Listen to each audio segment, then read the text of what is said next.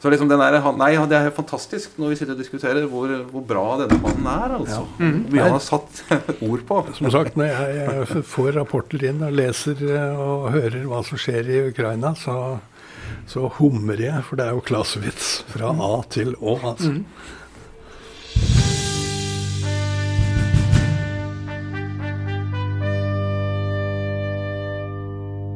Du hører nå på Krigens krav, en podkast fra Heimevernssamfunnet.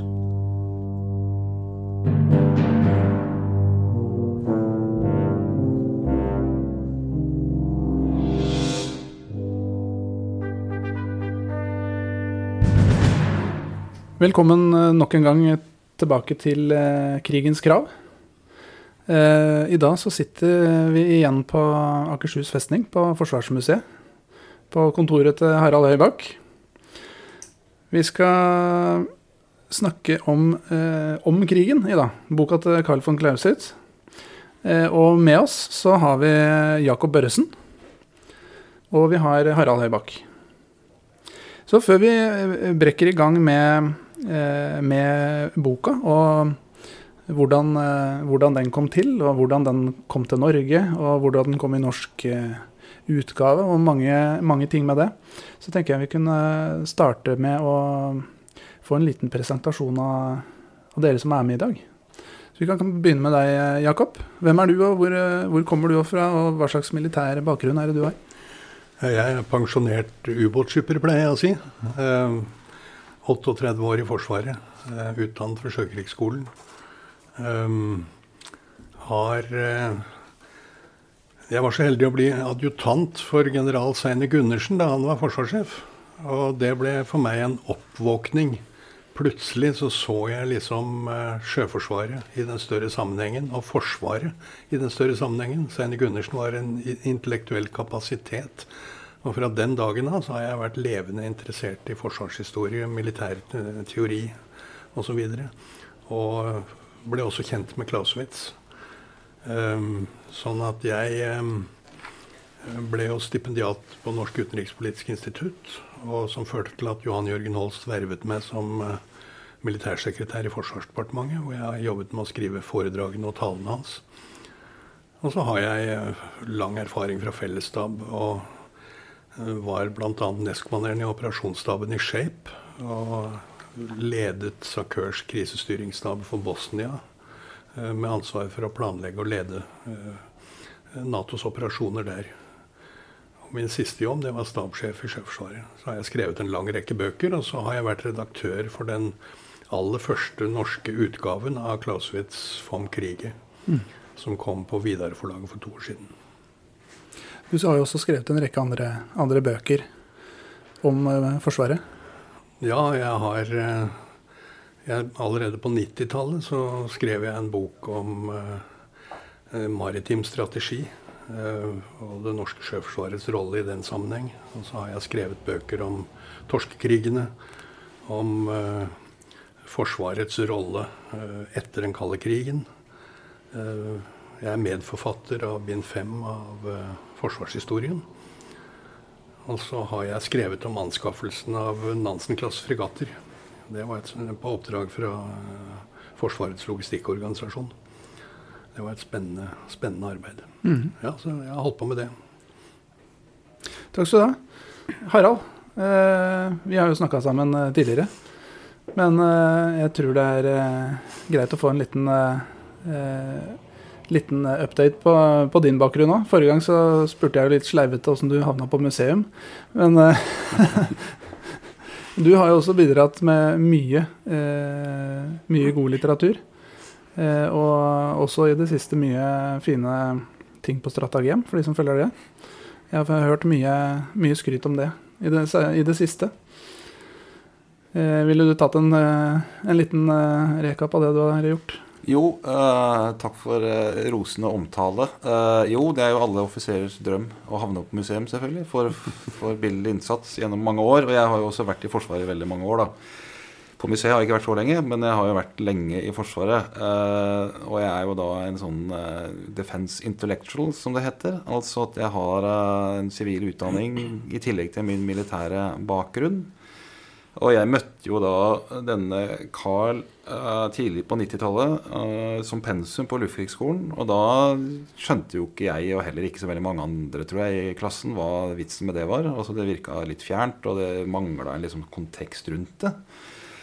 Men eh, senere på 90-tallet, det er jo mange år siden nå, da, så fikk jeg skulle jobbe i turnus på Sørreisa, eh, KV-stasjon der. Og når man jobber turnus, så har man jo fri når andre jobber, og motsatt. Så da trengte jeg noe positiv aktivitet. Så da studerte jeg filosofi på Universitetet i Tromsø. Og kom borti en, eh, en, filosof der, professor, som gjerne ville veilede en oppgave om Clausewitz. Da tenkte jeg skulle bruke det som anledning til å grave dypere i, i denne Clausewitz, som jeg jo ikke kjente spesielt godt fram til da. Og det gjorde at jeg fikk en litt annen inngang, tror jeg, da, til denne mannen enn det som er normalt. fordi at eh, da var det i et universitetsmiljø.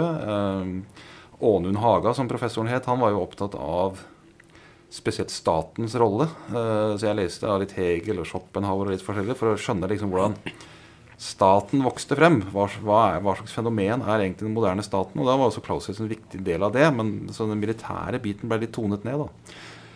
Men etter det så har Clausewitz fulgt meg hele tiden. Uh, jeg har brukt den mye i egen undervisning. Nå har jeg vært lærer på stabsskolen andre steder. Jeg har brukt den mye i egne bøker. Og nå for et par år siden fikk jeg også anledning til å skrive en liten biografi over Clausewitz. Da, og det syns jeg var veldig et stort privilegium å kunne gjøre det. da, For mye av det hadde jeg jo tenkt på på forhånd, men fikk anledning til å liksom formidle de tankene jeg hadde. da, Og mitt inntrykk av den mannen, som, er, som jeg syns er veldig viktig. Og rart at ikke vi har snakka mer om i Norge. Mm. Det er jo også et tema vi skal berøre litt her nå. Hvorfor tok det så mange år før eh, Clausewitz eh, kom, kom, kom ut på, på, norsk? Men før vi eh, kommer dit, skulle vi tatt en liten, en liten runde på hvem han Clausewitz var? Ja, skal jeg begynne? Skal vi si noe om Clausewitz, så er det ofte sånn at i begynnelsen var Napoleon. Altså så skjønner ingenting av dette her uten å ha et forhold til Napoleon. Men før Napoleon så var det den franske revolusjonen. Så det er den viktigste bakgrunnen og bakteppet for dette her. Det er altså den franske revolusjonen i 1789. Hvor, hvor eh, samfunnet, først i Frankrike, da, men etter hvert også i Europa, endrer seg dramatisk. Og i forlengelsen av det, spesielt verneplikt, fransk verneplikt, som gjorde at man på nytt igjen da, fikk jeg et sånt folkelig engasjement i krigføring. Gjorde at krigens natur, og kanskje ikke bare dens karakter, men hele hvordan krig eh, ble utkjempet, endret seg. I denne perioden så er uh, i første omgang Carl von Clausewitz en ung mann. Han er født i 1780. Så han er jo ung når revolusjonen kommer, og møter da de litt sånn famlende revolusjonskrigene på prøyssisk side sånn når han er en 12-13 år. Uh, og Det er der han liksom gjør sin første erfaring. Det er på et lavt taktisk nivå. Litt sånn forvirrende nivå, vil jeg tro. Det er begrensa hva en 12-13-åring forstår av det han opplever. Og så er han med gjennom hele napoleonskrigene fra prøyssisk side. Litt ulike opplevelser som vi kanskje kommer tilbake til. Da, men som, så vil tilfeldighetene det slik at han får veldig god tid etter 1815 til å fordøye det han har vært med på. Og i motsetning til svært mange andre hans kollegaer, så finner han også verdi i å uttrykke dette skriftlig. Og det er jo det vi sitter igjen med i dag, det arbeidet han gjør på 1820-tallet eh, med å fordøye det han har opplevd, og prøve å trekke ut noen essenser. Hva, er det egentlig de har vært med på? Eh, så det er altså Man må sette det inn i den, den franske revolusjonen og napoleonskrigene. Det er liksom bakgrunnen for, for denne mannen. Og så er jo boka, for å si det rett ut, relativt vanskelig tilgjengelig i den forstand at han eh, baserer seg veldig mye på Hegels dialektikk. Altså han diskuterer systematisk begrepene fra den ene siden og fra den andre siden. Så det, er, eh, det, det kan være krevende lesning. Eh, for å, for å, få fullt utbytte av boka, så tror jeg vi må være klar over at Clausewitz skrev altså på slutten av opplysningstiden. Opplysningstidens ideer, som jo var noe av bakgrunnen for den franske revolusjonen osv. Og, han var påvirket selvfølgelig av samtidens uh, filosofer. Kant. Um, hans begrep 'das Ding an sich', uh, som uh, inspirerte Clausewitz til å bli veldig opptatt av krigens egentlige begrep. Samtidig som han da var klar over at krigens, tingenes innerste vesen kan aldri erkjennes direkte og fullstendig. Men man kan nærme seg det da ved å opps, sette opp nøyaktige begreper. Og det er jo denne boka veldig, veldig preget av. Og så var han samtidig veldig opptatt av, av dette var jo eh, naturvitenskapenes liksom, eh, begynnelse, med Newton osv. Og, så og han bruker jo da en del begreper som eh, friksjon, tyngdepunkt, magnetfelt osv. som analogier da, for å illustrere poengene sine. Og, som jeg også syns er, er, veldig interessant. Jeg, meg, jeg, har gjort meg noen tanker når jeg har lest Jeg har riktignok ikke vært gjennom hele ennå, men eh, jeg har eh, begynt å pløye meg gjennom eh, fra starten. Eh, og spesielt dette med, med, med krigens teori. Da. Og det som har slått meg, det er hvis man kan si det sånn at til lesere som skal prøve å, å lese boka altså Fortvil ikke hvis du ikke forstår det første gangen. Du kommer sannsynligvis ikke til å forstå det andre gangen heller. Og det er litt sånn tanke jeg gjorde meg, at du må faktisk virkelig, som du sier, Jakob, du må lese det flere ganger, for det er flere lag her. Og det er Eh, han går jo grundig til verks, da, det kan vi jo si.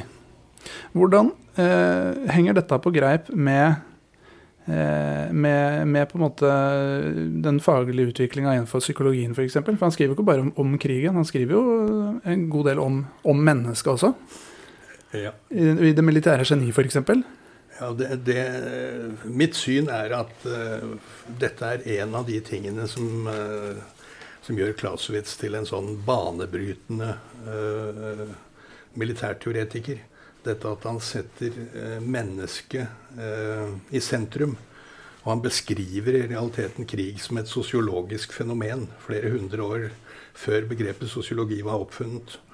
Han legger vekt på at motstanderen er et handlende subjekt som av all kraft forsøker å påtvinge oss sin vilje, samtidig som vi forsøker å påtvinge han vår vilje. Motpartene skriver hverandres lov, som han sier. Så jeg syns det er eh, Og derfra så går han jo langt i å beskrive hvilke personlige egenskaper man må kreve av en feltherre. Altså betydningen av, eh, av mot, eh, dristighet osv. Så, så det syns jeg er det er banebrytende. Og fortsatt så er det jo de særlig som er inspirert av f.eks. Den sveitsiske strategen Jomini, som har en tendens til å se mer på krigen som, som vitenskap. Uh, og som ser på fienden som et objekt istedenfor som et handlende subjekt. Etter mitt syn så har det vært noe av problemet til USA. Årsaken til at USA stadig taper kriger. For de har så stor makt og kommer da i skade for å, å betrakte fienden som et objekt. Og da får de en blodig nese hver gang. Altså, her er Clausewitz virkelig en høyaktuell kilde til innsikt. Jeg er enig i det, eh, men jeg er litt uenig i innledningen eh, til spørsmålet. At, at Clausewitz er så fryktelig komplisert. Altså, det er noe som han har slitt med i alle år. At, at vi tror at han skriver så veldig vondt og vanskelig. Og han gjør jo for så vidt det eh, i sin tyske språkdrakt. Og gjerne hvis du kler det med gotiske bokstaver og sånt, så er det ikke så lett å komme inn i det.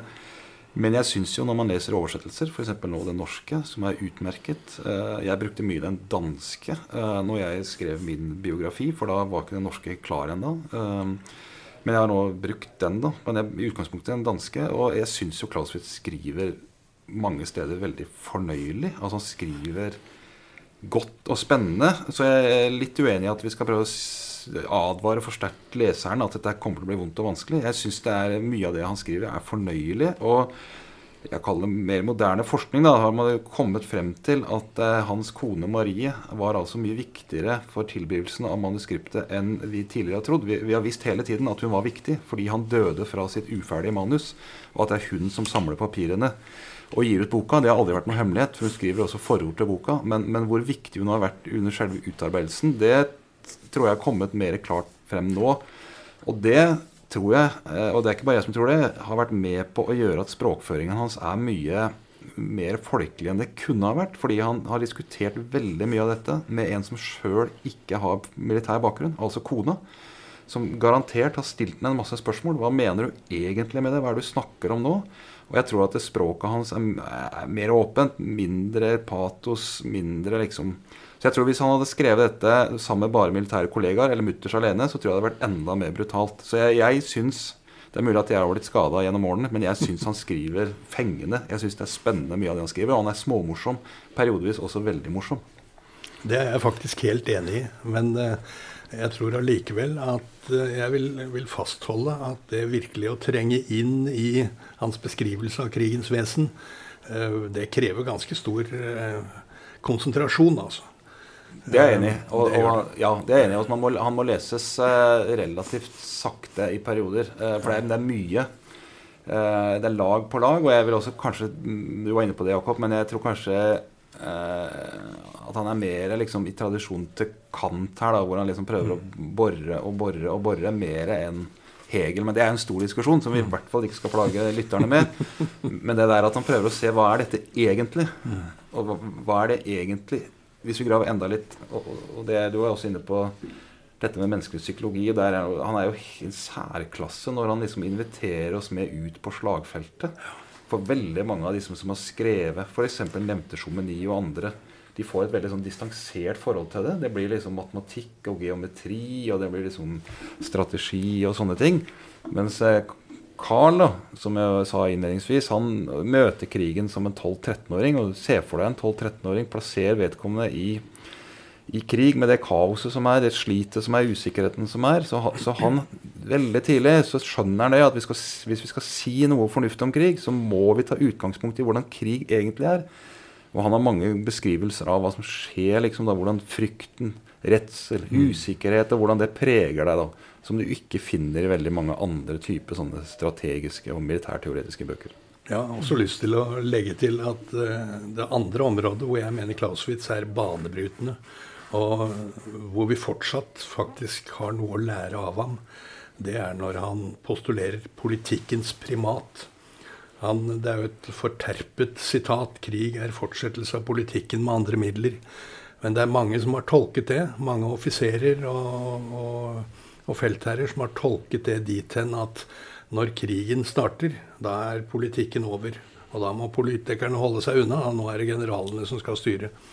Uh, og i arbeidet med Clausewitz' etterlatte skrifter så, så, var det jo Marias bror, Maries bror og, og en uh, major Ødsel som jobbet med manuset, og som faktisk skrev det om på dette punktet her, for at det skulle passe bedre med den ideologien som var herskende i Prøysen på den tiden.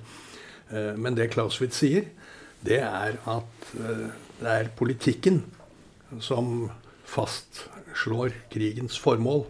Og er, derfor er det også politikken som former krigen. Um, og um, krigen er et middel, men det er politikken som er mål. Og man kan aldri se middelet i isolasjon fra målet. Mm. Og han presiserer at uh, feltherren han må ikke være politiker, men han må ha politisk nese. Jeg var tenkt å ta opp det, fordi Jeg var enig med deg helt til det siste setningen du sa, Jakob.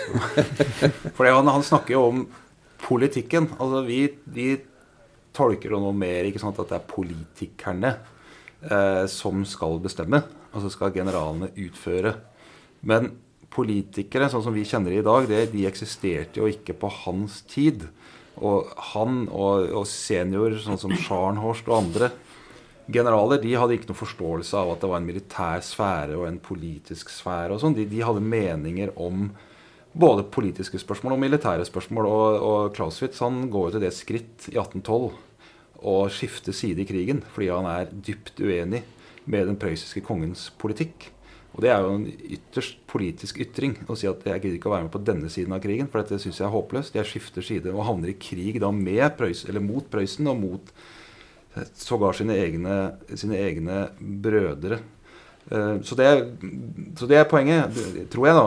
Og spesielt i lys igjen av napoleonskrigene, hvor, hvor mange nok etter hvert følte at Eh, Napoleon førte krig nærmest fordi krigen hadde gått han i blodet. ikke sant? Han, hvor skulle disse krigene til slutt føre hen? Og Da er, tror jeg at Clausewitz liksom advarer oss alle mot at krig driver vi ikke med fordi ikke vi vet hva vi ellers skal gjøre, eller fordi vi syns det er spennende og morsomt. krig er altså et, et alvorlig middel for å nå et alvorlig mål. Og målet for krigen må ligge på utsiden av krigen selv. Og de siste årene så var det veldig vanskelig å se egentlig hva Napoleon spesielt holdt på med da.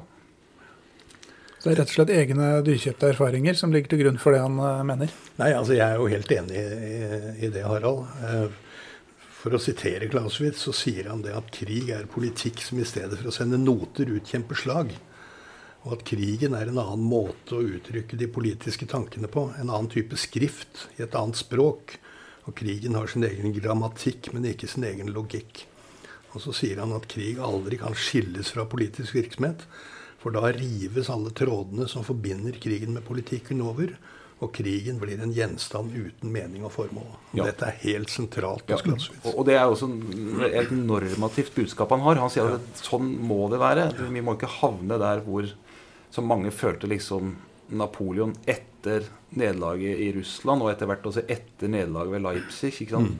Så kom vi ut våren 1814, så er det liksom Hva er det egentlig Napoleon hva er han, Nå bør han jo prøve å berge stumpene. Han fikk jo mange tilbud om, eh, om eh, sjenerøse fredstilbud. ikke sant? sa nei til alt. Fordi på en måte krig var svar på alle spørsmål. og han klarte, ja. så, så vi må se det i det lyset også. Eh, Sjøl bruker Clausewitz eksempler fra opplysningstiden, da, hvor han sier liksom at eh, man kunne arrangere en krig for å markere en eh, kongelig bursdag, eller, eller det var så lenge siden sist. Og hvis man skulle få noen grunner til å dekorere hverandre liksom fyrstelig, så møtes ute ut på jordet og så slåss vi litt. og så, Det var han veldig kritisk til. Men hans kritikk av manøverkrigen og 1700-tallet, det tåler vel kanskje ikke en sånn historisk gjennomgang. Han brukte nok mer som en karikatur enn hvordan det egentlig var. Men, men, men det er jo helt enig med deg, Jakob, at det er kanskje det aller viktigste budskapet Clausewitz har, det er at krigens mål må altså ligge på utsiden av, av krigen selv. Men det man opplever, er at krigen fort får sin egen dynamikk. Og jeg tror vi skal ikke dra langt, kanskje ikke lenger til Moskva, for å se at krigen på en måte har blitt målet, og politikken på en måte blir løpegutten til, til krigen som man ikke finner noe slutt på. Marie var jo sentral, som dere sier. Eh, det, eh, det sies vel også at han egentlig ikke har eh, hatt til hensikt å publisere dette sjøl. At hans plan egentlig har vært å At hun skulle gjøre det eh, egentlig fra Om ikke fra starten, men eh, i hvert fall eh, en god tid før han døde. Ja, Det er all mulig grunn til å tro det, og det skriver hun sjøl også i forordet. Eh, at hun liksom pusher litt på den. da. For som sagt, han av Bl.a. av det jeg nevnte, at han hopper av i 1812, gjør at han blir uglesett av ledelsen i Prøysen. Ikke overraskende. Eh, når han kommer tilbake igjen eh, og kommer i, prøyssisk uniform, så får han egentlig ikke noe fornuftig å stelle med. Han eh, blir administrativ sjef på krigsskolen i Berlin og regner nok med at han skal få undervise litt og, og liksom øse av sin militære erfaring, som etter hvert er betydelig. Men det får han ikke. Og grunnen til det tror vi er at de politiske myndighetene tenkte at en sånn fyr som det der skal vi være litt forsiktige med å utsette ungdommen for. Så han får eh, driver administrasjon, signerer noen dokumenter og sikkert har litt økonomistyring, men han har veldig god tid til å tenke og skrive. eh, god tilgang på biblioteker osv. Som bruker nesten da ti år. Hvor stordel, storparten av dagen går med til å diskutere krig og fred eh, med da kona Marie. Eh, og hun ser jo etter hvert, tror jeg, da, når han begynner å nærme seg slutten, og han blir rastløs etter hvert, og han får jo, han får jo mer fornuftige stillinger også helt i slutten av livet sitt, eh, så, så tror jeg kanskje hun pusher han litt at nå bør du få ut dette her. Men jeg tror ikke han har noe lyst til det, fordi jeg tror ikke han har noe lyst til å havne i polemikk med noen og måtte forsvare dette og sånn. Jeg tror tanken hans er at dette er det jeg har kommet frem til. og så for han var litt sånn konfliktsky, han var litt sånn, og han kom jo ikke sant, fra, fra den ytre periferi sosialt. Altså I utgangspunktet så var det jo familien ikke adelig, og, og i utgangspunktet så hadde han jo ikke noe rett eh, hadde ikke noe mulighet heller til å bli offiser, men pga. disse revolusjonære endringene da, i kjølvannet av den franske revolusjonen, så kommer han og to andre av brødrene hans inn i Forsvaret, og han gjør jo en pen karriere for så vidt.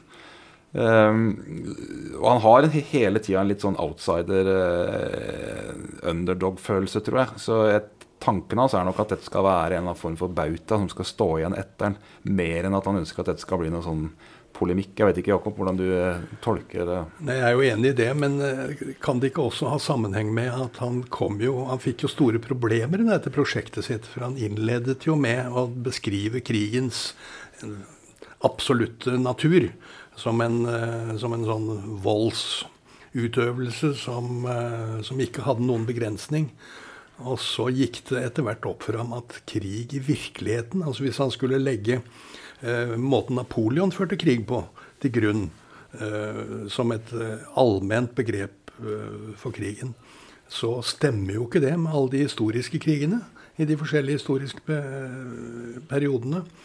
Så han var antagelig på nippet til å legge det hele til side, men eh, før, noen få år før han dør, da, så får han tid til da å omarbeide del én, og også Eh, del åtte om, om, eh, krigsplanen, som gjør at han klarer å, å, finne en bro fra krigens absolutte begrep til krig i virkeligheten. Og hvor han da bl.a. Uh, introduserer dette begrepet friksjon. Og, og hvor han også uh, introduserer denne Eller han gjør oppmerksom på at når krigen ikke utarter liksom til, til, maksimal vold, så er det fordi at det er en masse begrensende eh, faktorer som gjør at, eh, at krigen eh, tar en annen retning. Blant annet så er uh, han, han, innledet jo med å, å, beskrive krigen som en tvekamp. og brukte som et eksempel to personer som slåss, og hvor begge bruker fysisk vold for å tvinge motparten til å gjøre som han vil. Men så sier han i motsetning til to personer, så har jo to stater som er i krig, de har jo et geografisk omfang. Eh, det er, det er eh, et rom krigen utspiller seg i, og eh, man er avhengig av hva folket mener, og hva politikerne mener. Sånn at det er en lang rekke begrensninger som gjør at krig i virkeligheten blir noe annet. Og det er da han kommer til politikkens primat, og dette at krigen eh, tar form av de omstendighetene som ligger til grunn, hvordan samfunnet er skrudd sammen, hva krigen dreier seg om, hvilken mål krigen har. Eh, men dette ble han ikke ferdig med. Eh, vi regner vel med at del 1, eller bok 1 og bok 8 er stort sett slik som han ønsket det. Men så det er kanskje også en grunn til at han uh, trengte mer tid. Ja. for, for, det er jo det som holder liv i Clausewitz-forskninga den dag i dag. Det er altså hvor, hvor nær slutten var han. Altså, noen forskere vil si at han var mer eller mindre ferdig. Andre vil si at eh, det sto igjen mye jobb, og mye av grunnlaget for den diskusjonen er jo at det lå igjen noen sånne notater mm. i bunken hans med manuskriptet. Eh, og noen av de var datert, andre var det ikke. Og så kan man da diskutere når var han mest frustrert? Eh, var det på slutten? Hadde noen år etter at han hadde vært mest frustrert osv. Og, så og det er en evig lang diskusjon om, om Clausius egentlig skifter Om du har den eldre og den yngre Clausewitz. Og da er det gjerne 1827 da, som pekes på som det året hvor han nettopp, som Jakob sier, at det går opp et lys for han, at det han har holdt på med da, eh, selvfølgelig basert på egne erfaringer, disse gigantkrigene med Napoleon hvor hovedsteder inntas og keisere faller og hva det enn måtte være, at det er jo Nesten ingen kriger er sånn. De aller, aller fleste krigene er noe helt annet. De er noe sånne skygge... liksom så han, da går det opp et lys for han, og så, og så, må han prøve å finne ut av dette her. Og, og igjen, da, hva er krig egentlig? Men, men, du vil finne folk som sier at uh, veldig mye av det han skriver som veldig ung, tidlig på 1800-tallet, de er gjenkjennelig når han skriver helt på slutten av livet. Mens andre vil si nei, det her er det en revolusjonær mm. oppdagelse, liksom. Så det er en diskusjon. Jeg heller i den retning at han mer eller mindre var ferdig når han ber om å komme tilbake i aktiv tjeneste. Og jeg har full respekt for at folk som har lest enda mer enn meg, mener at det gjensto mye arbeid. det er en interessant diskusjon. Um. Hvordan eh, påvirkning har eh, Clausewitz hatt i Norge?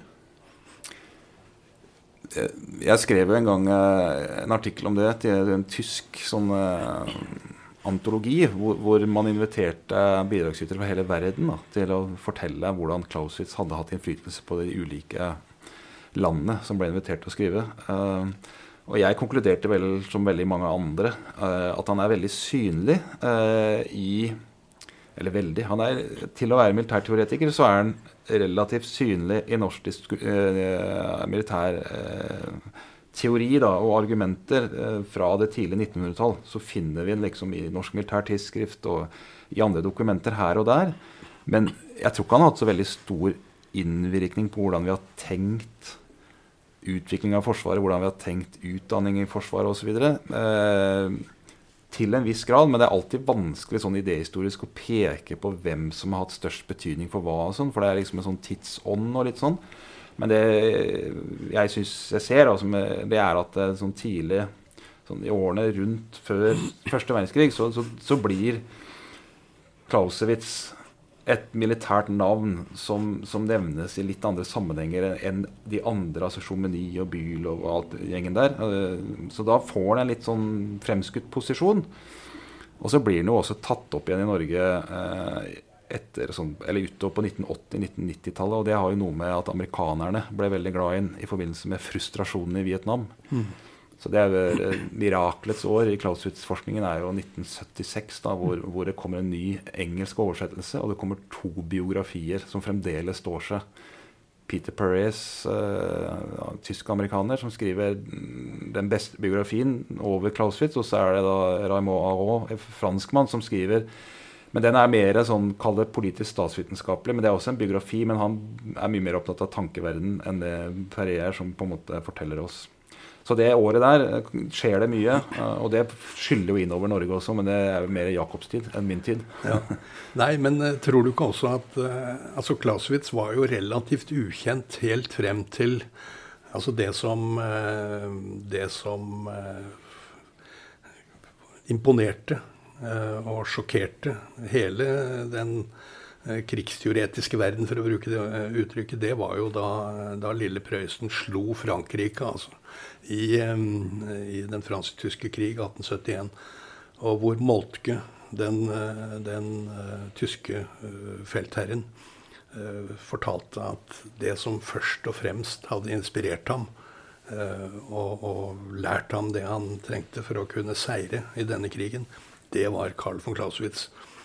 Og da begynte folk å lese Clausewitz. Altså. Og jeg tror også, selv om det ikke er så lett å spore det i i artikler og litteratur og sånn i Norge, så, så, tror jeg at uh, fra da av uh, så ble man oppmerksom på Clausewitz. Og jeg tror nok han har hatt en, en viss innflytelse. Men jeg tror grunnen til at han liksom ikke har vært i bruk på samme måte som f.eks. en mann som Jomini, det er jo nettopp hans fokus på uh, på det personlige, på psykologi, på politikkens primat osv.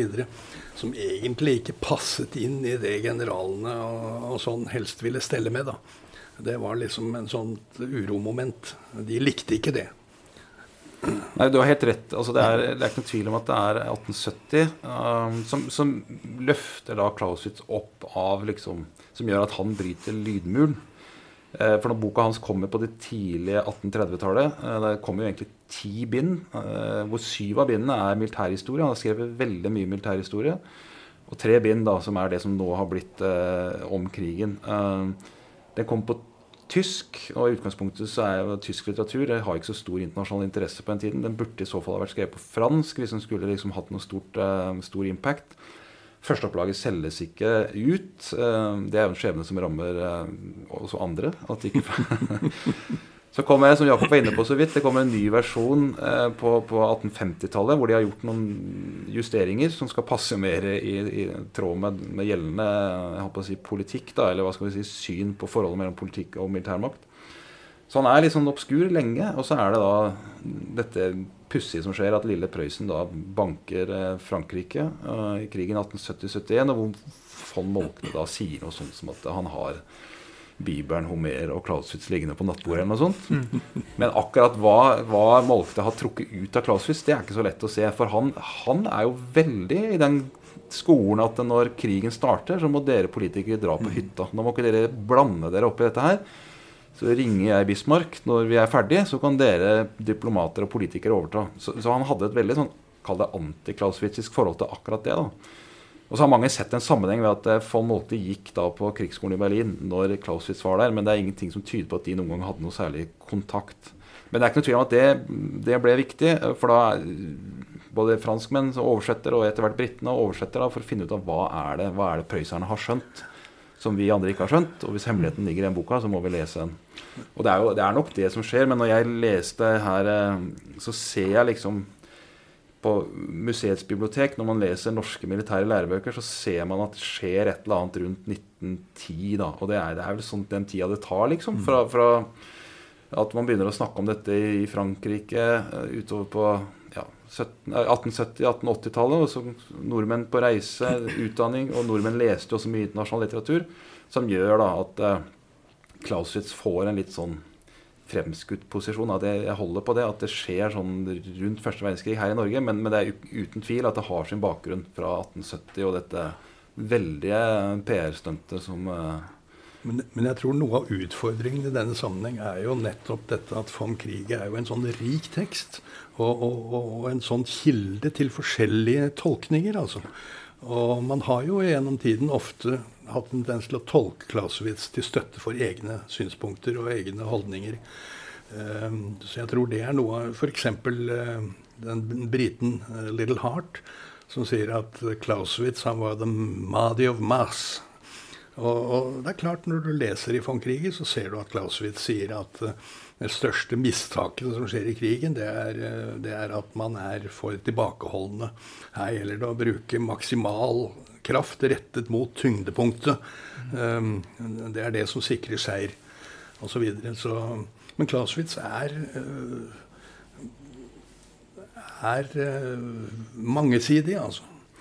Ja, som, som, du sier, altså, som har gjort at det er så forskjellige folk som Adolf Hitler, eh, Mao, eh, amerikaneren Colin Powell ikke sant? Altså, Alle som har noe med krig å gjøre, og som trenger noe støtte liksom, i sin tenking rundt det, finner noe i denne boka her. Russerne er jo, og sovjeterne før det, var jo klausowitzianere på sin hals, ja. altså. Um, ja. Eh, nå har vi snakka så vidt om eh, hva, hva, boka betydde i Norge. Eh, og eh, noe av bakgrunnen for at den kanskje ikke har satt sånn veldige spor, er jo at eh, den første norske Eller det er jo ikke helt sant. Det har kommet eh, ulike versjoner på norsk tidligere, ettersom jeg har skjønt. Det har jo du skrevet om. Én versjon, veldig forkorta, ja. kom tidlig på 70-tallet. Men den siste ordentlige versjonen som er, faktisk er en, eh, en komplett uh, versjon med bakgrunn i, i, opprinnelige manuskripter. Den kommer jo i 2020. Uh, og Jakob, der er jo du sentral uh, i, i, å redigere den boka her. Hvorfor, hva, hva, hvorfor kom det så seint? Ja, Det er et godt spørsmål. Jeg holdt på med det der i 20 år. Altså, Da jeg skrev den første boka mi på 90-tallet, så var jeg jo om, om maritim strategi, så lente jeg meg i stor grad på Clausewitz, faktisk. Og jeg har hele tiden vært opptatt av Og den, den uh, fakkelboka uh, med historieprofessoren Christoffersen, som vel var redaktør for den, den var jo høyst utilfredsstillende. Men det har, ikke vært noe, det har ikke vært noe interesse for det. Det har vært vanskelig å finne et forlag. Det har vært vanskelig å få finansiering. Eh, da Espen Barth Eide var forsvarsminister, så, så, klarte jeg å få Espen, som jeg, som jeg, kjenner, eh, til å interessere seg for prosjektet. Men han sa jeg må gå en runde med Forsvaret før jeg liksom sier ja til støtte. Uh, og så kom han tilbake og sa det at han hadde snakket med Forsvarets stabsskole og høyskolen. Og de hadde sagt at de trengte ikke noen norsk utgave av Clausewitz, for de hadde jo Michael Howards og Peter Parrots uh, engelske oversettelse, som var glimrende, og den brukte de. Uh, og da kommer det poenget som vi var innom tidligere her. At Peter Parrots og Michael Howards oversettelse ble jo skrevet under den kalde krigen og var veldig liksom influert av, av atomavskrekking osv. Uh, hvor Clausewitz har en del innsikter som er relevante. Så det er i aller høyeste grad behov for en oversettelse i vår tid. Ehm, men Forsvarsdepartementet sa da nei. Så fikk jeg etter hvert kontakt med Vidar-forlaget. Eh, og, Og forlagsredaktøren der, Gunnar Totland, som eh, Vidar-forlaget driver og gir ut gamle sånne filosofiske tekster osv. Det er en del av deres eh, konsept. Og han var veldig interessert. Men igjen, vi måtte ha finansiering, altså. Og jeg henvendte meg igjen til Forsvarsdepartementet. Eh, og hadde en samtale med statssekretæren og fikk inntrykk av at denne gangen skulle vi få penger. Så overraskelsen var jo stor og negativ da svaret ble nei nok en gang. altså. Men vi klarte å skrape sammen litt uh, penger etter hvert. da. Men det tok veldig lang tid å få den ut. altså. Men nå er den her, mm -hmm. og det er en glede. Ja, og det er som du sier, Jakob, at det er jo ikke bare at du har jobba teksten igjennom her uh, og fått den til forståelig norsk, men uh, den hadde jo ikke eksistert uten din innsats. da. Og det er jo et paradoks, altså en kulturnasjon som Norge, at han har vært så fraværende fra alle andre steder enn den rent militærteoretiske. Og jeg gjør et poeng ut av uh, at f.eks. Vestens tenkere, som er et trebindsverk, som første gang kom ut i Norge da, i 1962, kom ut en fornyet utgave i 1993. Der er altså ikke Clausewitz med i det hele tatt. Og han snakker om kanskje et av de viktigste temaene i historien. da.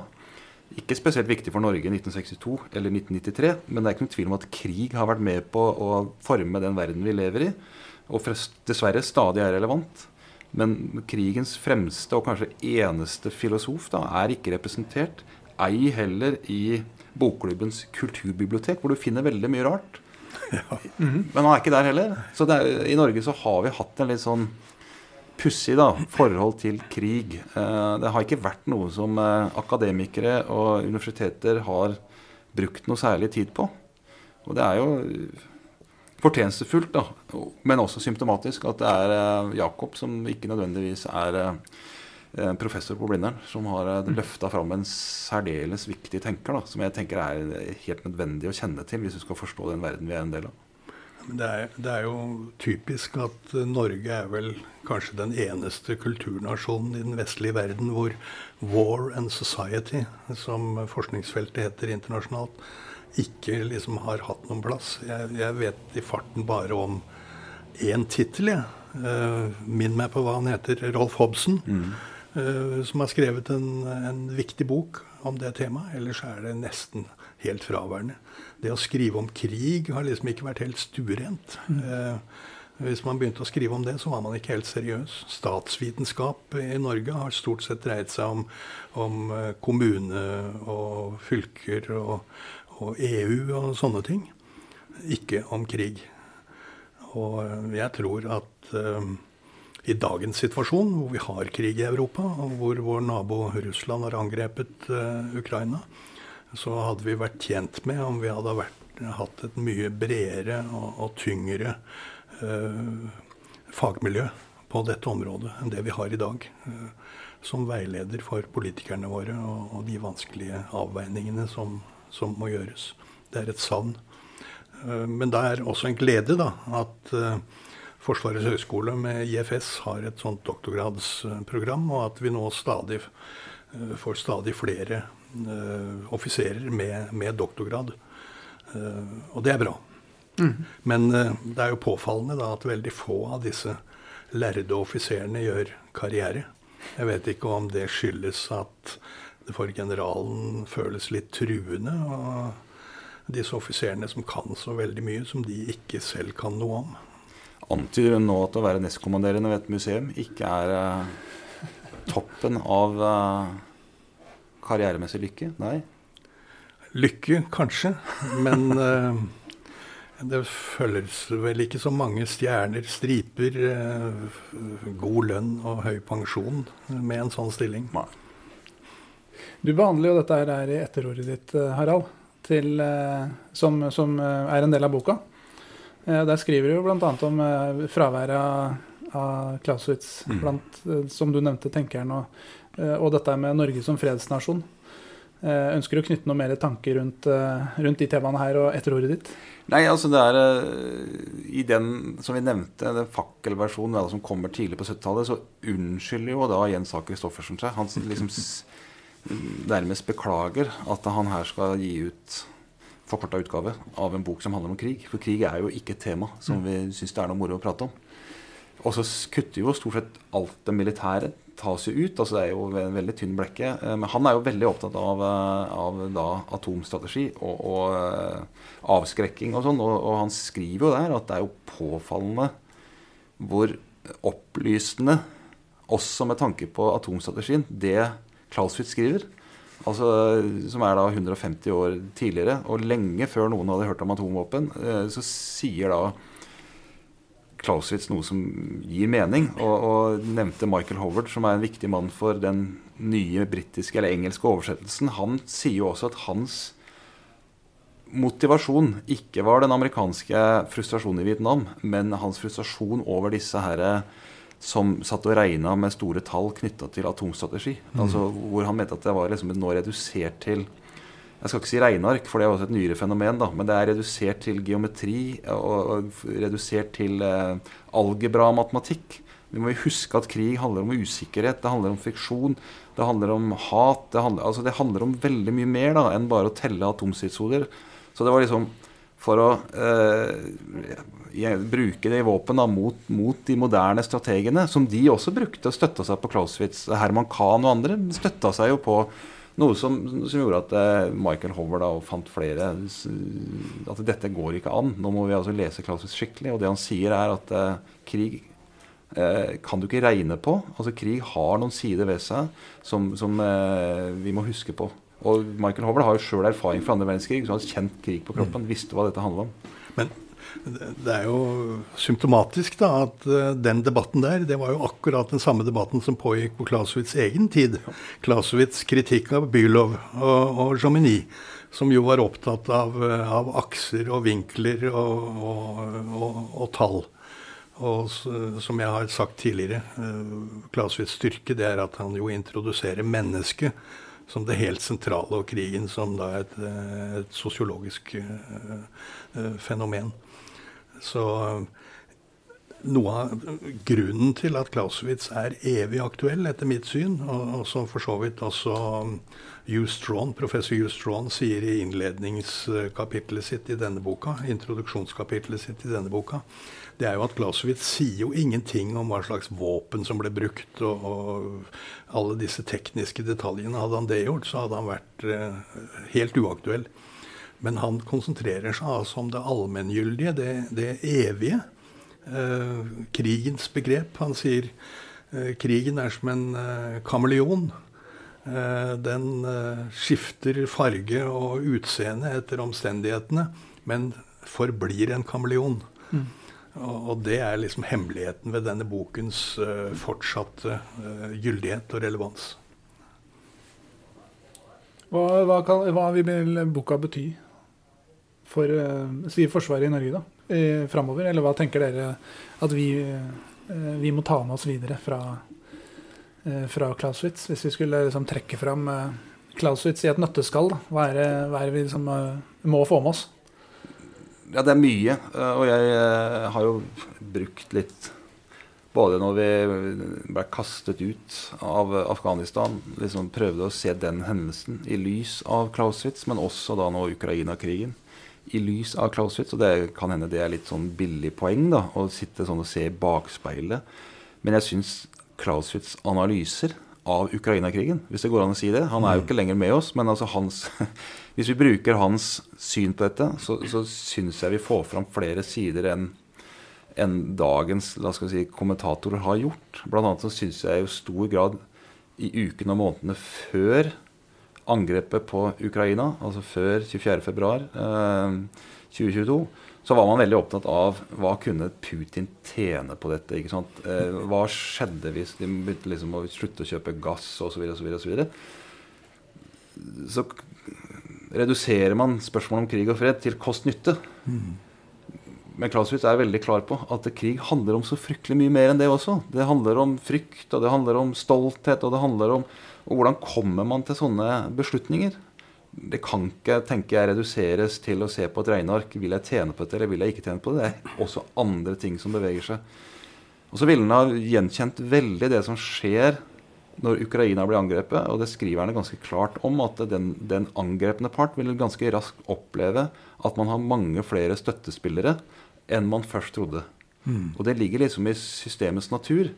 Skriver Clausius hvis ikke det var sånn, så ville jo Europa i dag bestått av ett land. Mm.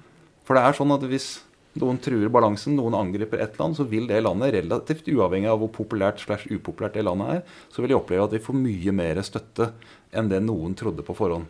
Og det syns jeg vi ser. Dette er med, som Jakob har vært inne på, friksjon. Det ser vi jo, det tror jeg Putin og gjengen har følt på hvert eneste dag. At det er veldig avstand fra krigen, hvordan vi har planlagt det på papiret, og hvordan det gjennomføres i praksis. Og Det siste jeg skal si, er det her med følelser, som han også skriver. Kan godt hende at en krig starter av politiske grunner mellom to stater, hvor innbyggerne ikke har noen sånn særlig følelser for hverandre, verken positivt eller negativt. Men når det begynner å ta livet av folk, når krigen begynner, så vil disse følelsene komme. Og, og det syns jeg vi ser på TV hver eneste dag. At eh, hatet, sorgen, raseriet påvirker jo nå krigen på begge sider. I en mye større grad da, enn en man i utgangspunktet skulle tro.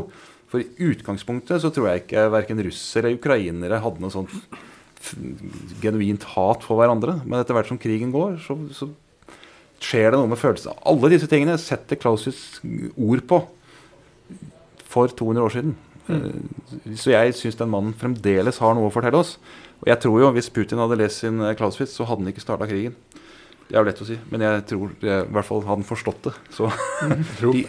på dette punkt så tror jeg det passer å løfte frem altså Clausewitz' eh, berømte treenighet. Ja. Eh, eh, sammensatt eh, av krigens grunnleggende voldelige natur. Av hatet og fiendskapet, som han anser som en blind eh, naturdrift av sannsynlighetens og tilfeldighetenes spill, hvor den kreative sjel har fritt spillerom. Det er jo feltherren hos Clausewitz. Eh, den blinde naturdriften, hat og fiendskapet, det er folket. Og har krigens funksjon som underordnet politisk verktøy, og derfor gjenstand for ren fornuft. Og det er jo da regjeringen. Eh, når jeg leser referater fra Ukraina-krigen om dagen, så sitter jeg og humrer og kjenner igjen Clausewitz på hvert eneste hjørne. Det siste jeg har lyst til å si om spørsmålet ditt, betydningen i Norge av denne oversettelsen, det tror jeg rett og slett at nå har vi fått et middel til at studentene på stavskole, høyskole, krigsskolene kan for første gang kanskje forstå mer av vom kriget.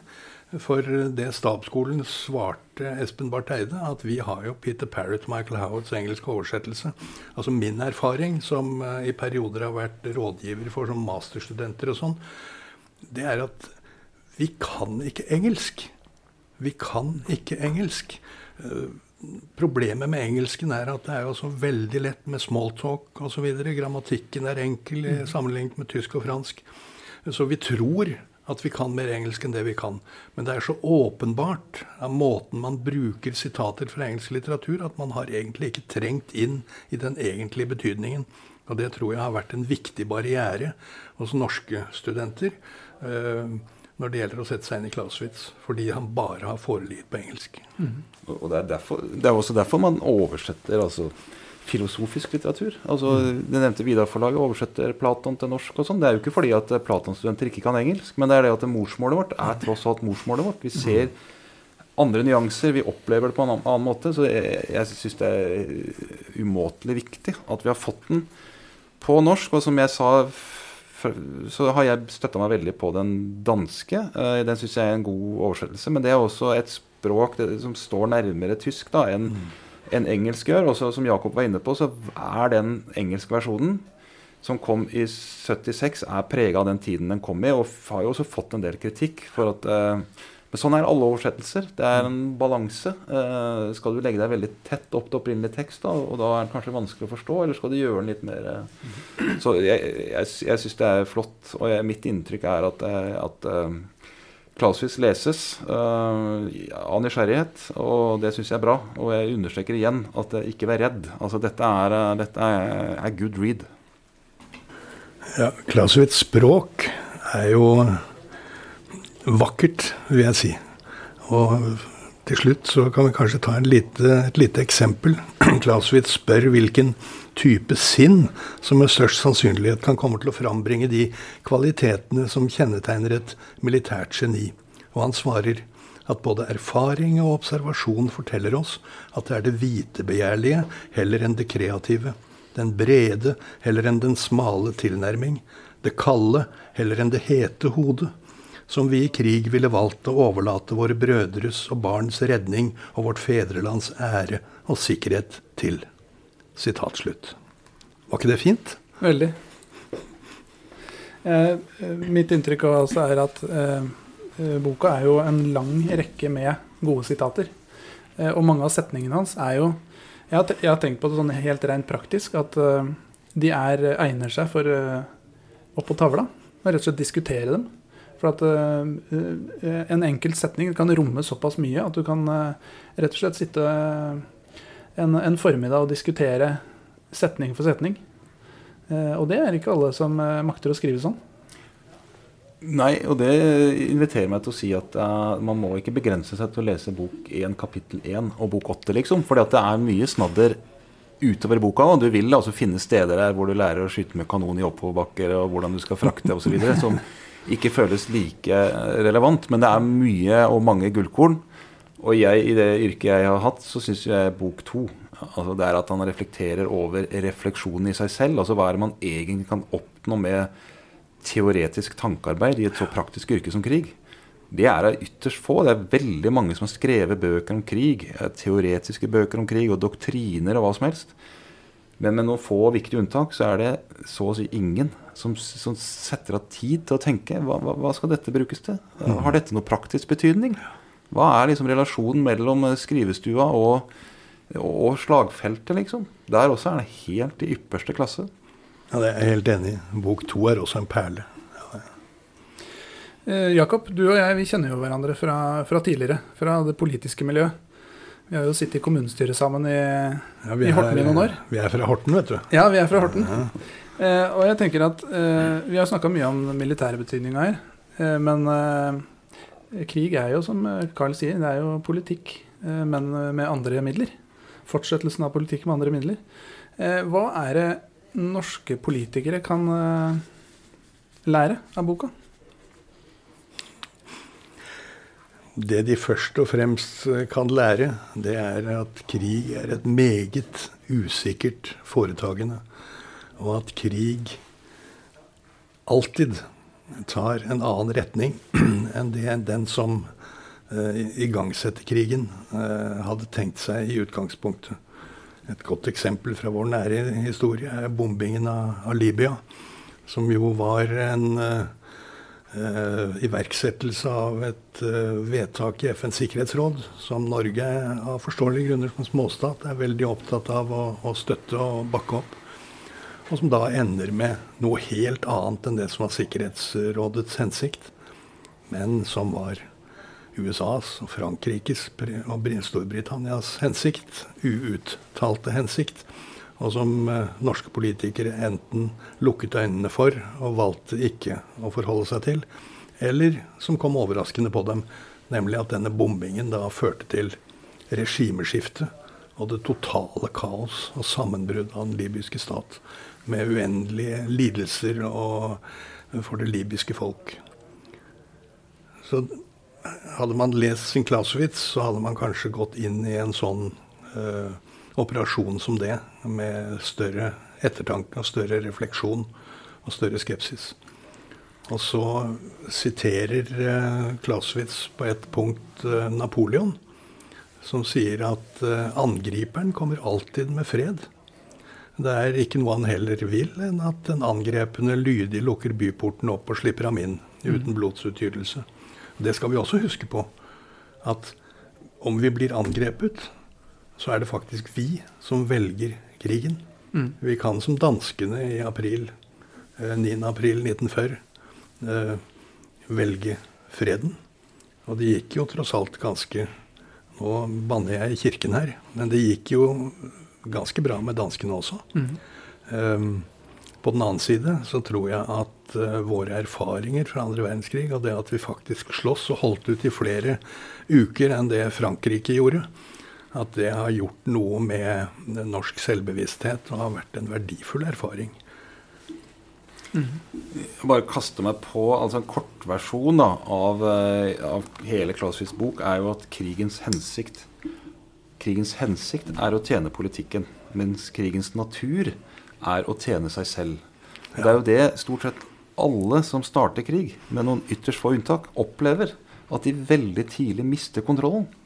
Krigen blir mye lenger. Eh, man oppnår ikke det man tenkte man skulle gjøre. Det er altså en viktig påminnelse, og det er også andre som har pekt på det. Churchill bl.a.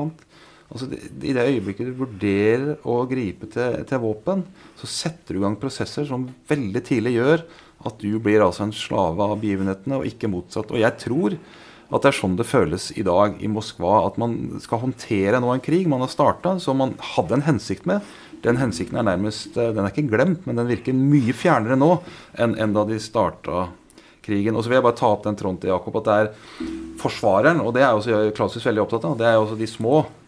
Altså det, I hans tilfelle Prøysen. Eh, det er jo de som må holde våpen og militærmakten i hevd.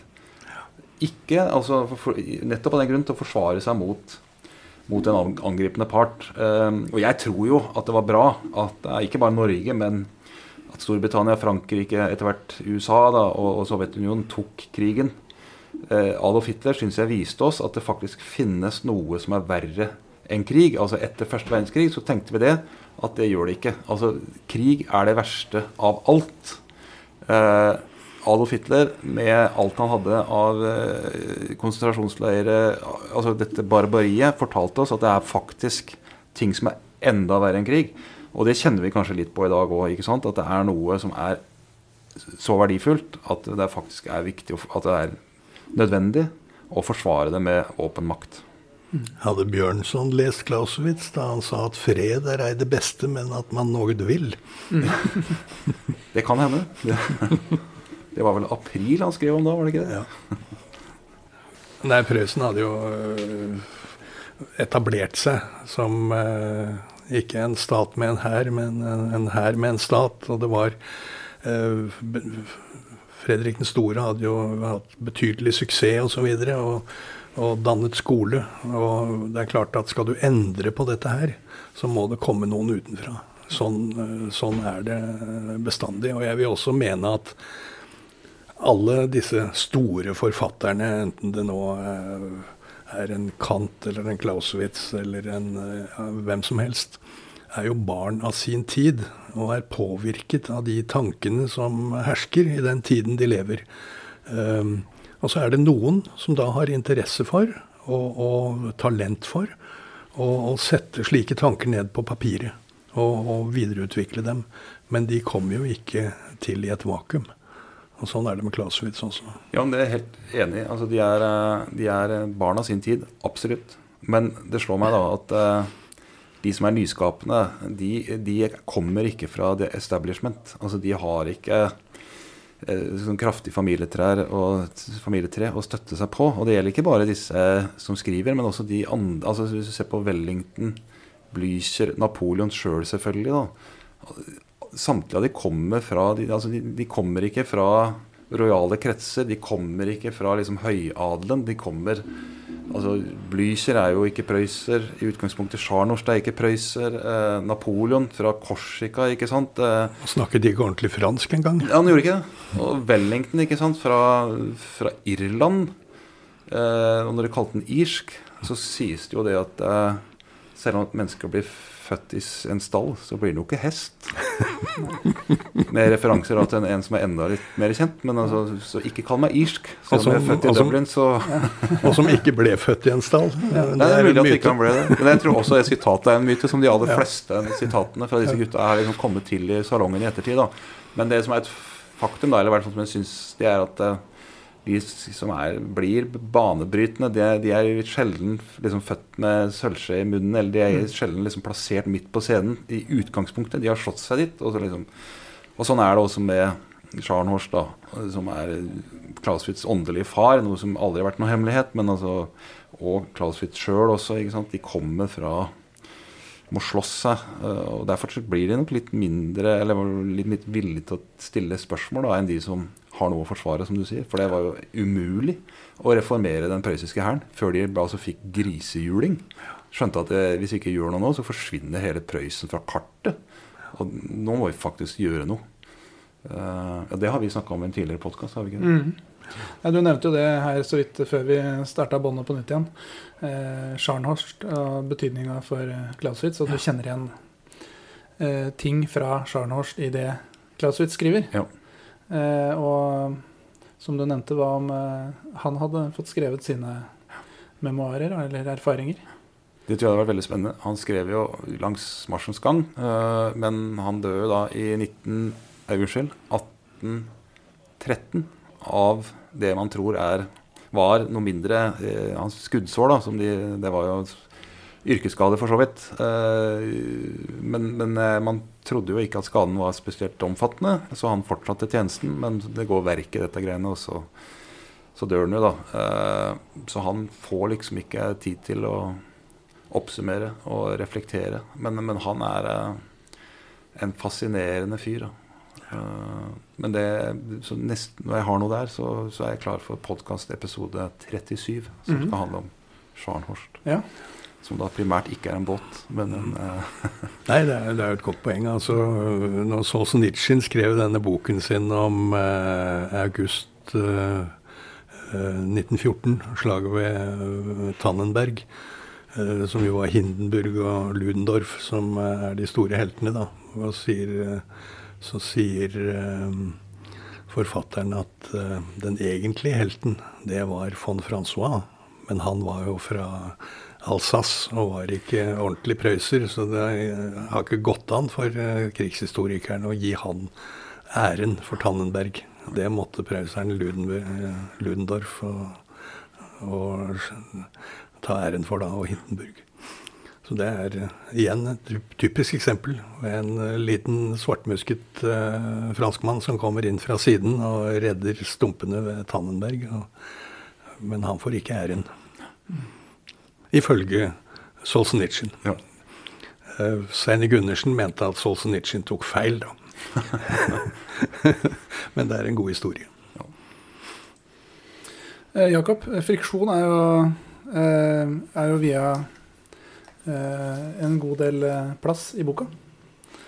Eh, Dette skal vi knytte noen tanker om det? Sånn, Ja, det, dette er jo et produkt av Det er jo to ting, da. Eh, Det er et produkt for det første av Clausewitz' eh, innsikt om at det er jo den menneskelige faktor som er helt sentral i krigen. Altså eh, dette med mot, angst, eh, dumdristighet osv. Uh, at du kan ikke forvente at alle soldatene dine og dine underordnede sjefer og sånn vil gjøre akkurat det du forventer at de skal gjøre. For eh, angst og stress og misforståelser osv. Uh, det andre er at eh, det er jo en lang rekke andre omstendigheter da, som virker inn. Eh, vær og føre, lende, fienden osv. Så, videre. så han konkluderer da med at eh, det som, som gjør at eh, krig i virkeligheten er noe helt annet enn eh, det teoretiske begrepet krig, det er friksjon. Hvor alt i krig er svært enkelt, men selv det enkleste er vanskelig. Og disse vanskelighetene hoper seg opp til de skaper en friksjon som ingen kan forstå som ikke selv har opplevd krig. Og så sier han at å handle i krig det er som å bevege seg i et hemmende medium, på samme måte som den mest naturlige og enkle bevegelse, det er jo å, å, å gå. Men uh, har du prøvd å gå med vann opp til livet? Uh, sånn er det i krig. Um, og så sier han det at en vilje av stål, altså hans helt, feltherren, den geniale uh, geniet uh, En vilje av stål kan overvinne friksjonen, men den, knu, uh, den knuser enhver hindring, denne viljen. Men sliter samtidig ned selve maskineriet i en sånn grad at igjen friksjon, altså. Og så skriver han det. Det er nok et eksempel på Clausewitz' språk, altså. Han skriver den stolte personlighetens faste vilje dominerer krigskunsten på samme måte som en obelisk dominerer byens torg. Bare legge til der at eh, alle nærmest uten unntak da, som hadde opplevd krig. Og du trenger ikke ha opplevd krig heller. Du kan ha vært på vinterøvelse eller øvelse i HV. Så opplever du det. At det i krig eller militære operasjoner eller nærmest hva som helst, det holder å gå fra garderoben på fotballbanen og ut på banen. Så, men det var jo ikke dette vi ble enige om. Hva som skjedde her, da? Fikk en scoring imot. Så, så den her følelsen av friksjon. Altså det er følelsen at det, Når vi er ute på tur, så er det masse som skjer. Det er uflaks og flaks og dårlig vær og ting som ikke går i orden. Det var noe alle visste. Men det som teoretikerne hadde gjort, de hadde liksom sagt at det ser vi bort ifra som en fysiker. Litt sånn som Galilei og Newton og sånn. Når vi nå skal lage liksom, Beregne sånne kuler som renner i stålere sånn, mm. Så ser vi bort fra friksjon poenget til Clausewitz det er at han sier at det kan vi jo ikke gjøre. Det er, det er, jo kjernen av krig. Så hvis vi holder det utenfor den teoretiske vurderingen av dette her, så mister vi jo hele poenget. Så det er ikke han som opp, liksom oppdager uflaks. På ingen måte. Men det er han som sier at hør nå her, skal vi skrive om krig, så må vi skrive om hvordan krig er. Og den preges av uflaks, flaks, tilfeldigheter, dødsangst, sult, diaré, hjemlengsel. Alt dette her må inn i teoriene, ellers er det bortkasta tankespinn. Mm. Og at fienden selvfølgelig gjør noe som du ikke hadde ventet at han skulle gjøre. Absolutt. Da er vi jo egentlig inne i kjernen, da. Eh, på, eh, også det på hva podkasten heter. 'Krigens krav'. Altså, det er jo en vesentlig del av krigens krav. Eh, hva tenker dere, du Jakob, f.eks., om krigens krav? Også, hva kan vi som eh, enkeltsoldater da, gjøre for å være best mulig i stand til å møte krigens krav? Jeg har eh, holdt et foredrag en gang som også ble til en artikkel om eh, hvilke egenskaper vi skal eh, se etter hos en offiser. Mm. Eh, og en nøkkelegenskap der, det er altså orden. Renslighet. Det å sørge for at du er tørr og varm, det er at du vet hvor du har lagt fra deg tingene dine. Ehm, at du eh, tar ansvar eh, for å holde deg selv eh, trygg og varm og, og med overskudd. At du tar og skaffer deg søvn ved enhver givende anledning. ikke sant? Du går aldri forbi en do uten å bruke den. Og så tar du ansvar for din sidemann. Mm denne innsikten av hvor krevende livet i felt er, og hvor betydningsfullt alle disse små detaljene er, som kan bety liv og død, altså. Det tror jeg er um, Og det kan du lese ut av Clausewitz' beskrivelse av hvordan livet arter seg på, uh, på slagmarken. Mm. Uh, som for infanteristen i dag, i Ukraina nå, disse infanteristene som skal forsøke å forsere de, de russiske skyttergravene. Opplever det hver eneste dag, altså. Noe av utfordringen vår er selvfølgelig at veldig mye av krig i, i vår moderne tid da befinner du deg bak spakene på et fly, eller du sitter langt unna på og opererer en drone. Uh, du kommer ikke i øyekontakt, nærkontakt med fienden. Og Derfor så kan dette virke noe abstrakt, men jeg mener fortsatt at for infanteristen spesielt, bakkestyrkene våre, Heimevernet, mm. Så er disse betraktningene i aller høyeste grad relevante. Altså Her kan vi lære mye av Clausewitz. Mm. Så jeg er enig igjen med Jakob at det er viktig å redusere kildene til friksjon så mye som mulig. Uh, gjennom trening og gode feltrutiner og gode planer og hva det måtte være. Men du klarer ikke å bli kvitt det. Så det er også en sånn beredskap mentalt man må ha. At når, når operasjonen eller krigen starter, så vil veldig mye skje. Og det var også Clausewitz veldig tydelig på. At det må vi fortelle soldatene på forhånd. Sånn at de ikke tror det. At når de ser krigens kaos, så tenker de at her har noe svikta her har noen lurt oss. Vi må fortelle dem at det er sånn krig ser ut.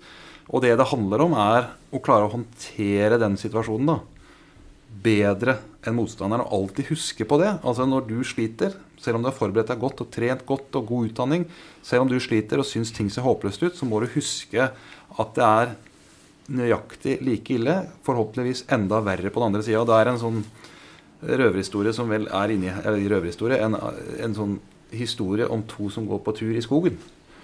Og som da ser at de blir fulgt etter av en svær bjørn. Hvor da han ene setter seg ned og tar av seg marsjstøvla og, og knyter på seg joggesko. Så sier kompisen at det der er jo meningsløst. Du klarer jo ikke å løpe fra den bjørnen selv om du har joggesko på. Nei, jeg trenger ikke det. Det er nok at jeg løper fra deg. Mm. og det er håndtere friksjon bedre enn motstanderen. Ikke fjerne den helt. Det klarer du ikke. Mm.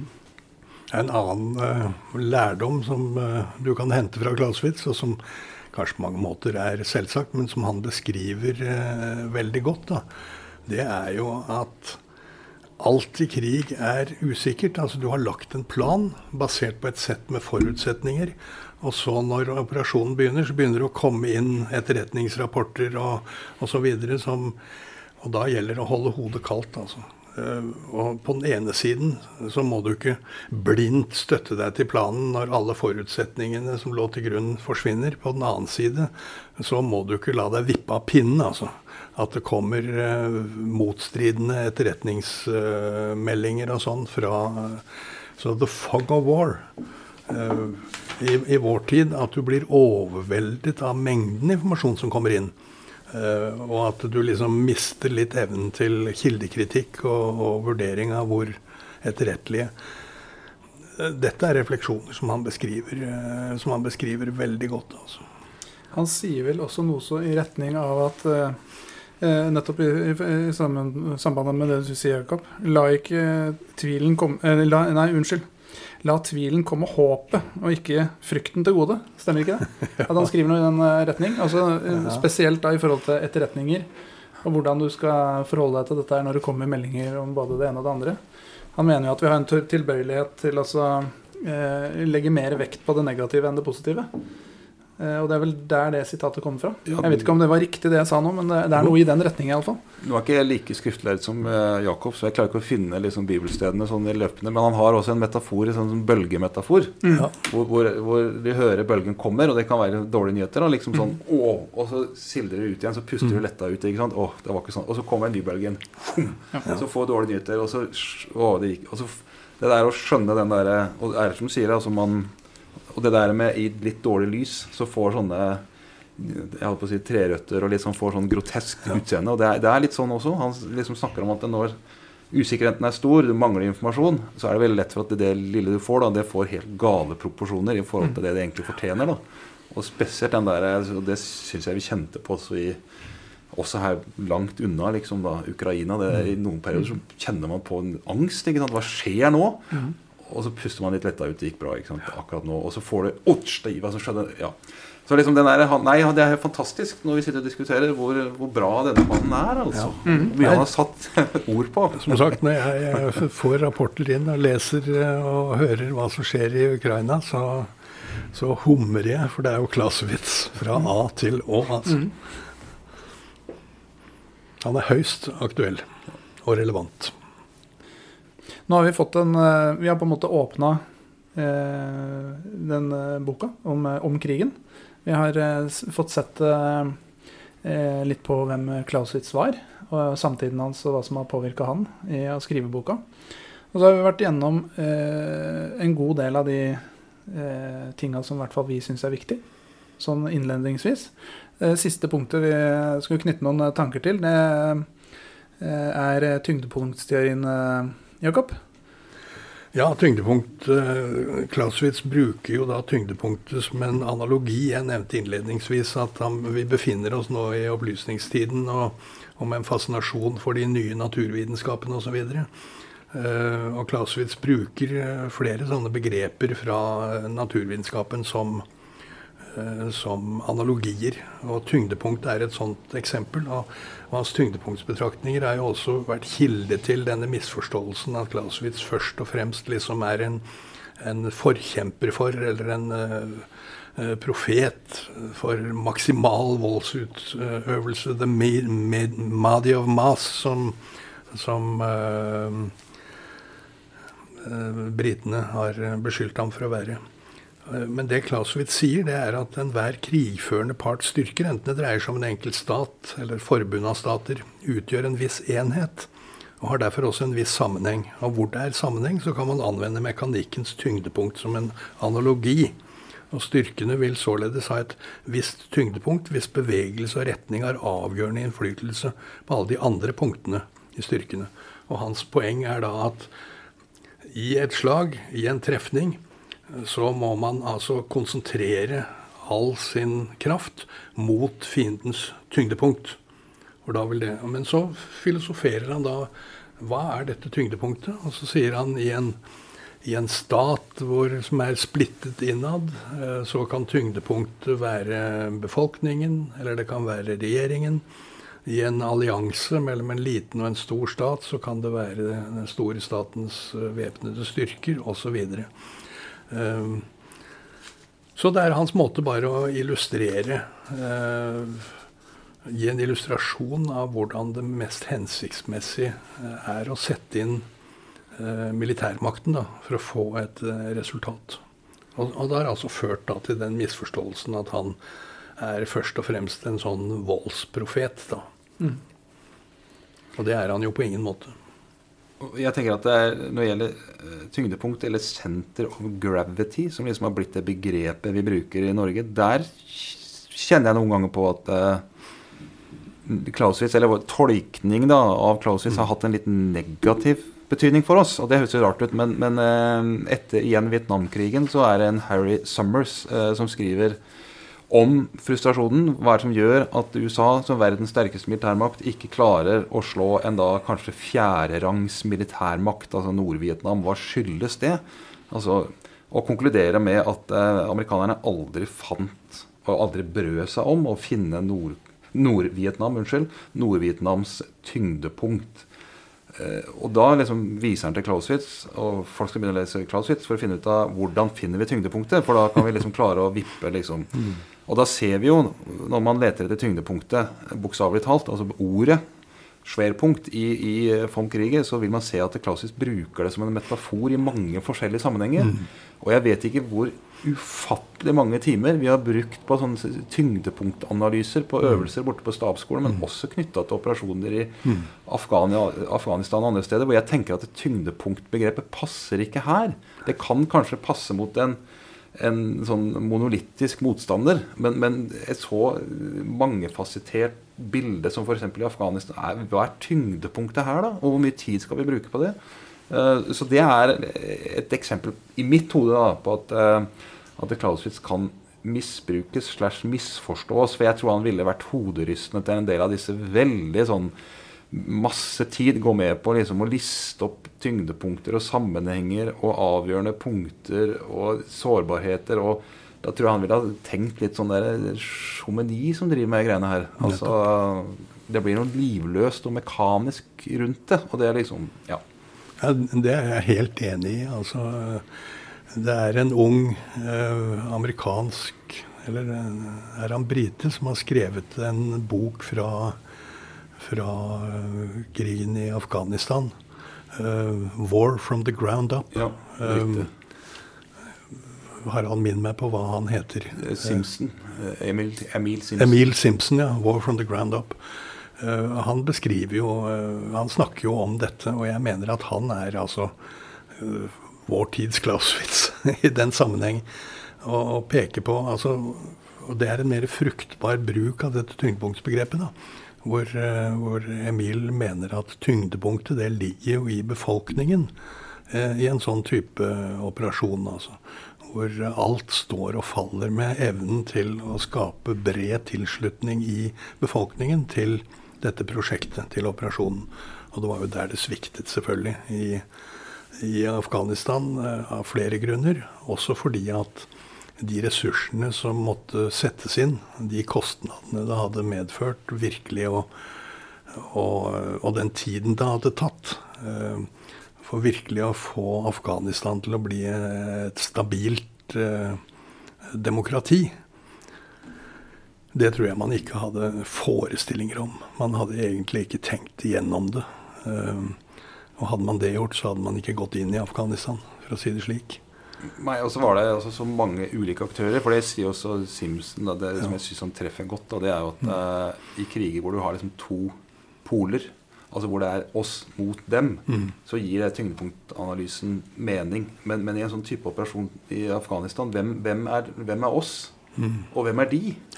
Eh, altså Mange afghanere var jo uenige seg imellom. Og hva var Pakistans rolle? De var jo både USAs og Talibans viktigste allierte. Det gir jo altså kompliserte sammenhenger som gjør at det, Og da kommer dette herre Kall det menneskelige, sosiologiske, politiske aspektet inn som jeg syns at dette er center of gravity kan ha sin nytte. Jo, det kan være hjelpere å, liksom, å konsentrere tankene og sånn, men å tro at alle, alle, ting kan beskrives At det, også et så komplisert samfunn som det afghanske på en eller annen måte har en eller annen sånn, et vippepunkt. Hvis vi klarer å finne det og dytte litt på det, så løser alt seg. Det har jeg ingen tro på.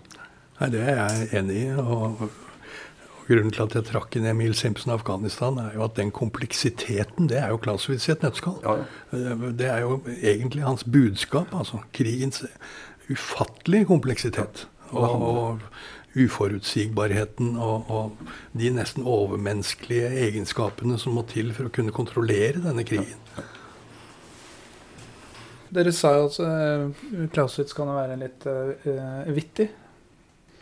Jeg fant en uh, liten uh, linje her uh, når han skriver om det militære geni. Som i hvert fall jeg syns var litt, litt småvittig.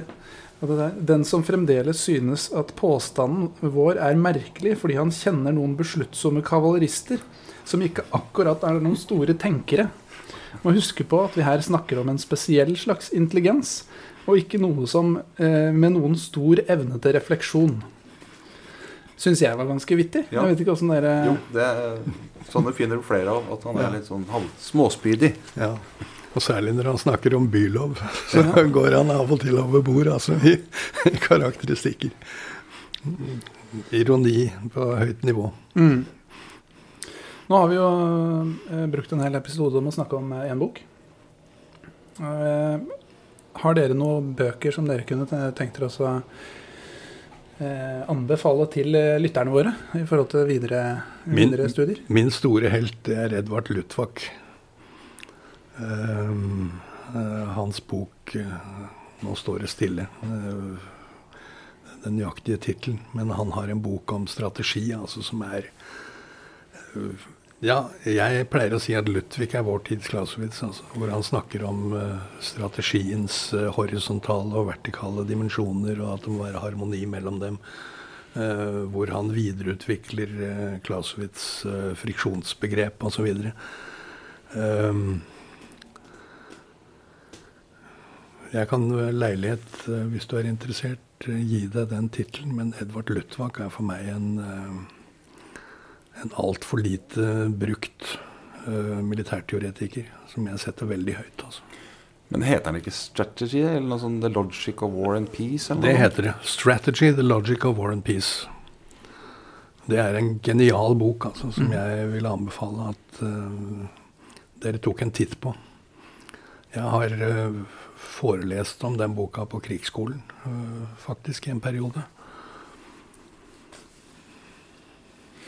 Ja, jeg har jo vært i denne Og da anbefalte jeg eh, en kort introduksjon til Carl von Clausewitz, krigens filosof. Den anbefaler jeg på det aller varmeste. Ja, mm. det, er... den, den, må man bare lese. Eh, min beskjedenhet forbyr meg å fortelle hva forfatteren heter, da. Men eh, og, og, ikke minst, altså les om krigen. I hvert fall begynn å lese om krigen. Jeg tror du blir overraska over hvor, eh, hvor eh, jeg holdt på å si interessant det er. Uh, bare legg fra deg de her skrekkhistoriene om at dette er veldig tysk og sånn. For det er det ikke. Spesielt ikke etter at Jakob har liksom løsnet det opp litt og massert muskulaturen litt her. Så det gjør at det er lettere å Ellers så er det som Jakob var inne på Emil Simpson, selv om den nå begynner jo å bli noen år, da, men, men den, eh, men den uh, syns jeg satte ord på mye mye interessant. da, ved at eh, Han også hadde liksom opplevd krigen ikke som tolvåring, men som et par og tjueåring. Et par-tre ganger hadde han jo vært eh, med Gurkar, liksom, som altså britisk ung mm. offiser. Drar til Afghanistan. Eh, opplever liksom krigen ikke i hovedkvarterene, men hvordan oppfattes dette på bakken. Sammen der, eh, Nå husker jeg ikke hva den heter, men det var en annen ung britisk eh, The Readers Club, et eller annet sånt. Uh, som også er altså, briter med litt sånn kostskolebakgrunn. Mm. Uh, fantastisk flinke til å skrive, da. ikke sant? Hvor, mm. hvor, han også har et veldig sånn skråblikk på hva er vi egentlig holdt på med her. Som jeg, men eh, Skal jeg anbefale en bok, så må jeg huske hva den heter. Men, men dette er jo Vi har jo Ja. Google, så Det har man. Uh, Hennessy heter han uh, som skriver boka. Uh, men hva heter eh, Hva heter eh, Det er også en klassiker som jeg er veldig svak for, da. Um, Norman Dixon. uh, 'The Psychology of Military Incompetence'. Nei, Jakob, den må du ikke lese. jo, det er en strålende bok. den gir innsikt, altså. Den er jo uh, Ulempen med den er at den selvfølgelig er litt preget av at Norman Dixon er brite, og preget av det britiske klassesamfunnet og, uh, så videre. Men uh, altså det Den har jeg hatt meget stor glede av å lese. Jeg har lest den flere ganger. Tusen takk for at uh, dere stilte opp, eh, Harald og Jakob, og åpna uh, Clausitz univers for oss. Jeg har en følelse at dette ikke er uh, siste episode om dette temaet. Men tusen hjertelig takk for at dere bidro. Bare hyggelig. Ja, i like måte. Bare hyggelig.